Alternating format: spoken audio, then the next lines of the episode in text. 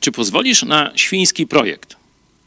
Na świński projekt w Twoim życiu. No, dokładnie on znany jest jako świński projekt, ale, że tak powiem, duchowe siły, które stoją za nim, no to nie są zwierzęce.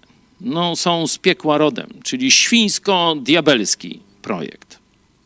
Jeśli otworzysz sobie Ewangelię Marka na piątym rozdziale, znajdziesz tam historię człowieka opętanego wszyscy się go bali. No ogólnie był w poważnych tarapatach, zniewolony, uzależniony, odrzucony, samotny, mający pełno jakichś grzechów, zbrodni na sumieniu i tak dalej. No i przychodzi Jezus i no rozgrywa się scena uwolnienia. Ten człowiek, mimo tego bagna i zniewolenia, w jakim żyje, chce wolności. Jezus go uwalnia.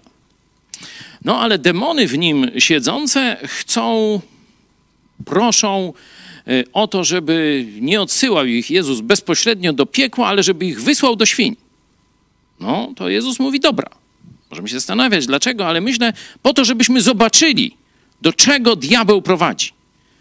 I kiedy demony wchodzą w te świnie, świński projekt się realizuje. Wszystkie świnie dokonują samodestrukcji. Idą na zatracenie. Same się, można powiedzieć, wykańczają. To jest diabelski, świński projekt. A projekt Jezusa jest wolność, sens.